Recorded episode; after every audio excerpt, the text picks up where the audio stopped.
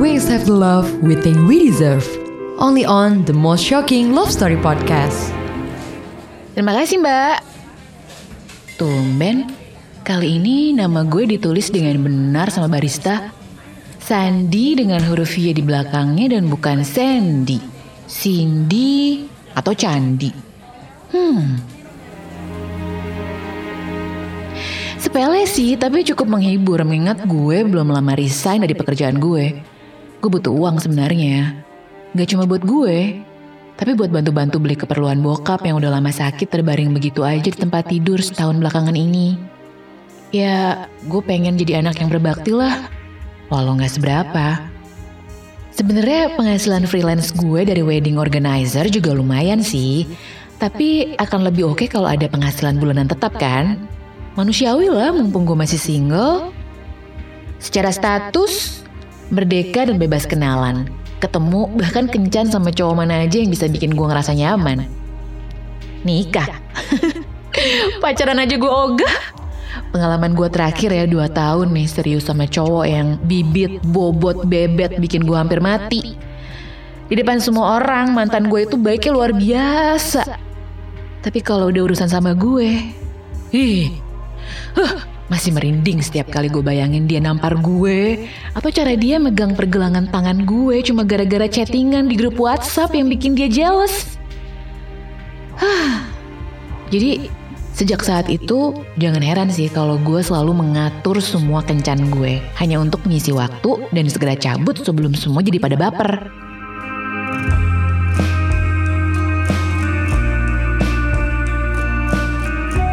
Hai Sandi, aku Aryan, temennya Resa yang baru nikah minggu lalu dan pakai WO dari tim kamu. Ingat kan?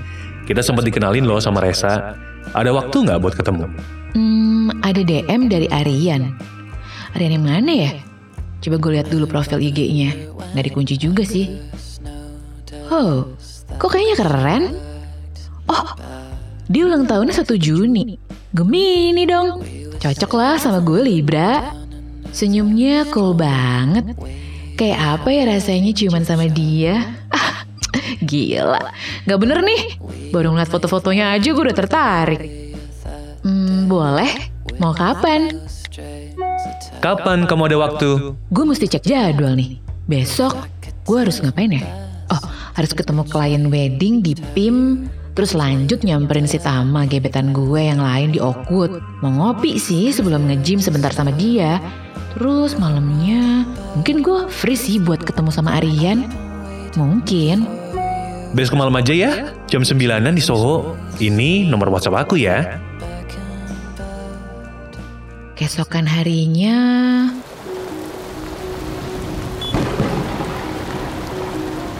Anjrit jalanan sarap nih ya. Uh, gue bete. Lama banget tiga jam di jalan dari PIM ke Oakwood doang. Gara-gara hujan gerimis yang lebat dan bikin genangan di mana-mana. Saking bosennya duduk doang dalam taksi online, semua temen deket gue udah gue ajak chatting aja di sosmed. Bahkan akhirnya gue cuma bisa mandi di gym, nyapa teman-teman gue sebentar sebelum gue lanjut ketemu Tama di coffee shop.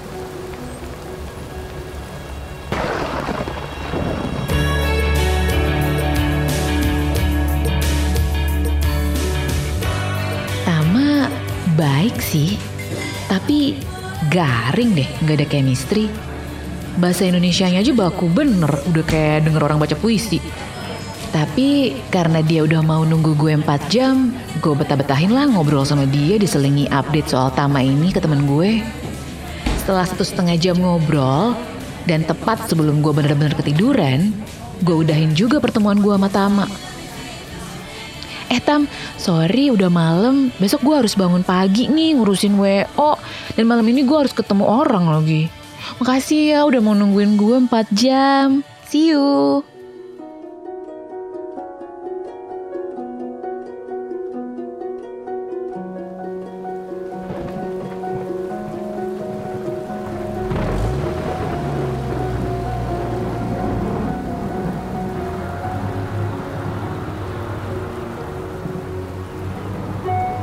Kamu udah di mana?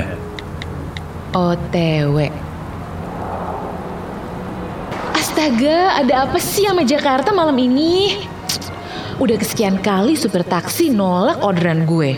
Sementara dari tadi order taksi online lewat aplikasi juga gak ada yang ngambil. Ah, terpaksa nih gue jalan kaki sampai depan ITC Kuningan di bawah gerimis. Ah, dasar bodoh. Pikir-pikir ngapain juga ya segitunya gue bela-belain ketemu si Aryan ini. Tapi gak enak juga kalau mau gue cancel udah terlambat.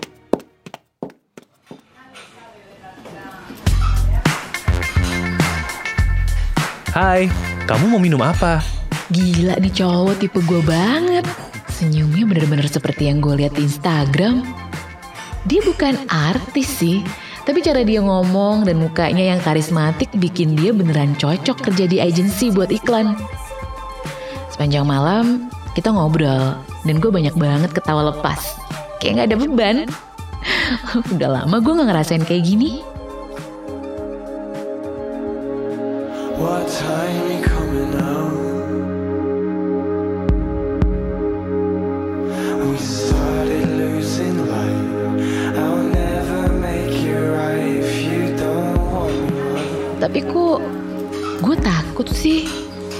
Tahu kenapa gue tiba-tiba ngerasa khawatir aja gitu kalau gue jadi sakit hati lagi.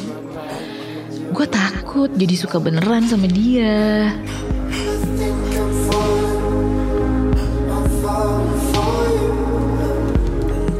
San, udah, aku aja yang bayar bilnya. Udah malam, pulang yuk. Besok aku ada syuting iklan buat klien. Jam berapa?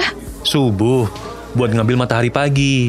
Tapi aku harus standby dari jam 3 pagi. Moga-moga aja ya, malam ini nggak hujan lagi. Ah gila, kenapa maksa ketemu sekarang kalau ada kerjaan pagi? Nggak apa-apa, kan nyari waktu kamu juga nggak gampang. Aku seneng kok, biar sebentar, tapi kamu mau nemuin aku. Saat itu juga rasanya gue nyesel banget udah buang-buang waktu buat nemuin Tama. Apalagi Aryan sweet banget ngegandeng tangan gue sepanjang jalan menuju stasiun MRT. Karena kayaknya dia gak mau gue kesenggol orang.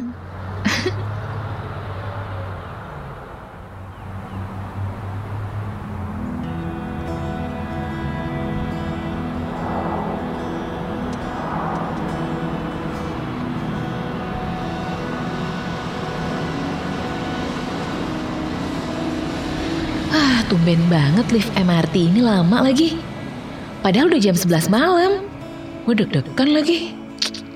Tiba-tiba Aryan megang tangan gue dan dia bilang, San, kamu tuh unik ya. Aku suka. dan Aryan langsung nyium bibir gue setelahnya. Ciuman itu rasanya kayak ngembaliin sebagian perasaan gue sebagai manusia. Hasilnya di sepanjang perjalanan pulang gue hanya bisa bengong dalam MRT diselingi rasa takut yang makin kuat kalau gue mungkin akan sakit hati lagi kali ini. Beberapa hari setelahnya,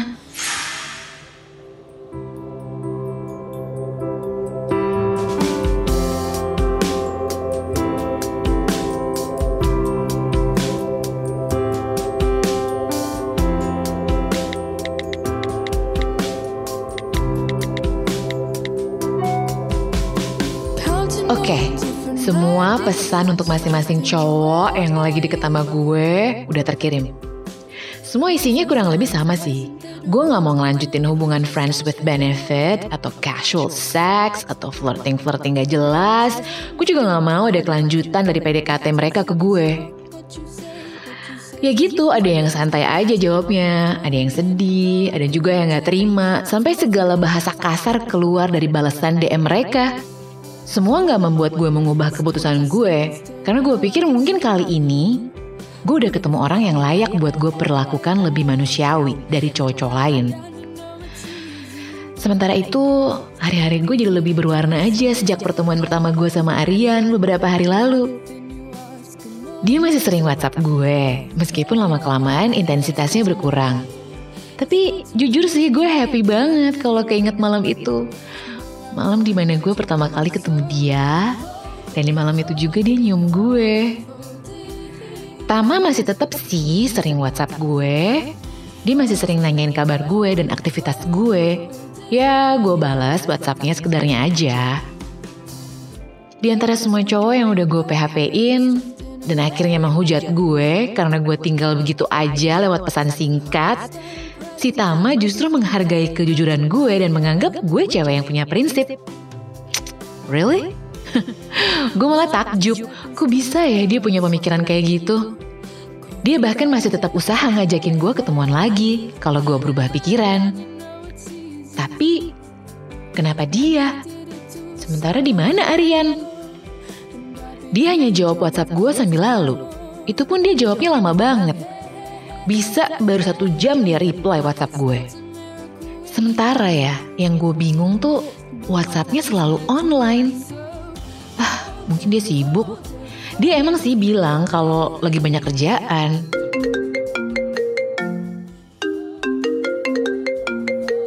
Halo, Aryan? Halo San, sorry ya. Beberapa hari ini aku lagi ribet kerjaan nih.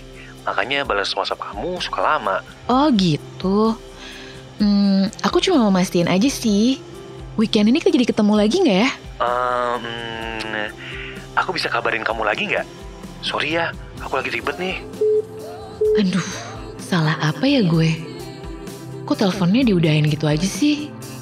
Gue mau nanya-nanya, tapi gue kan bukan ceweknya. Belum jadian juga. Astaga, gue kan cuma ciuman doang ya sama dia. Ah, tapi kenapa gue jadi baper gini? Tapi emang bener kali ya. Tadi dia lagi ribet atau lagi meeting. Gue juga gitu kok kalau lagi ngurusin kerjaan WO.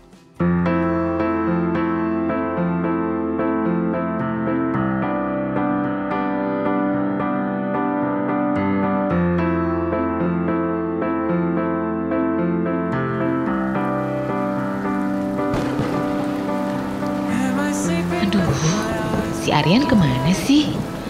Kemarinan katanya mau ketemuan gue lagi malam minggu ini. Gak ngasih kepastian juga. Gue WhatsApp, gue DM Instagramnya. Bahkan gue telepon gak ada respon. Padahal gue udah kosongin jadwal gue malam ini. Gue sengaja cuma ambil jadwal buat kerjaan WO tadi siang. Gue bahkan masih dandan rapi. Paling gue tinggal up dikit kalau gue mau pergi.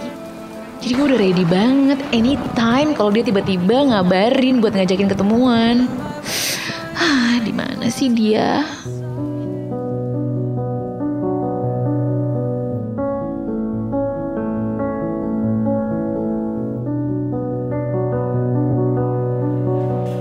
Kenapa sih ini harus kejadian sama gue?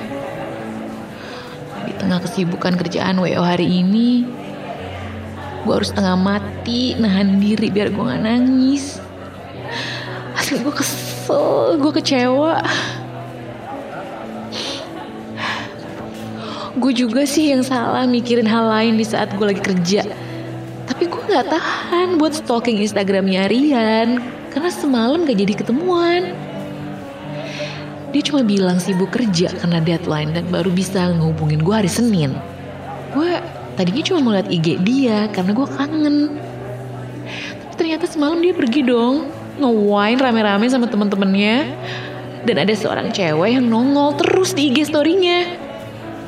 Rambutnya sebahu, mukanya mungil dengan hidung filler, bulu mata extension, ketawa-ketawa ganjen gitu deh. Dari bahasa tubuh cewek itu jelas banget sih kelihatan bahwa dia ada apa-apa sama Aryan. Terus gue dianggap apa?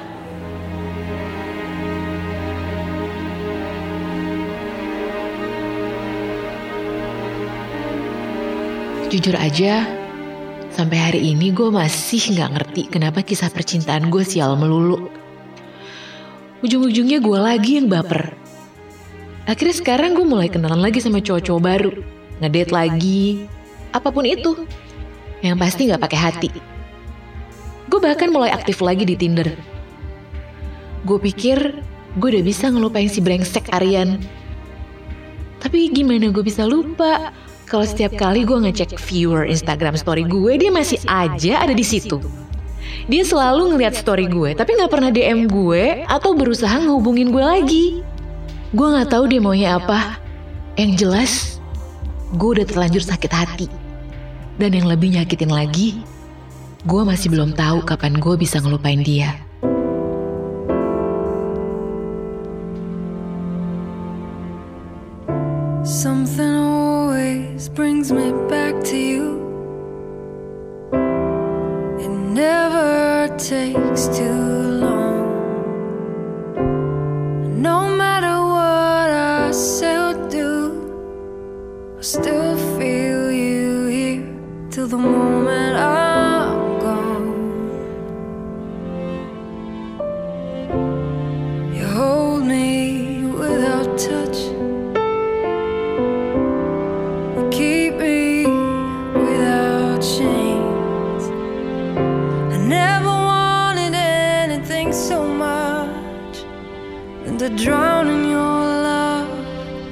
not feel